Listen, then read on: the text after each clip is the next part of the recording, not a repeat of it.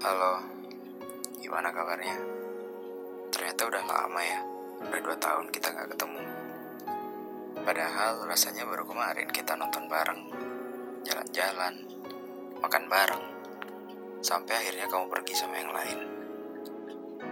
Ternyata udah dua tahun juga aku nahan sakit sendirian, sedih sendirian, kangen juga sendirian. Berat sih harus terima kenyataan kalau takdir kita itu emang gak bareng. Tapi pada akhirnya aku gak boleh sedih karena kisah kita berakhir. Tapi justru aku harus senang. Kisah kita pernah terjadi.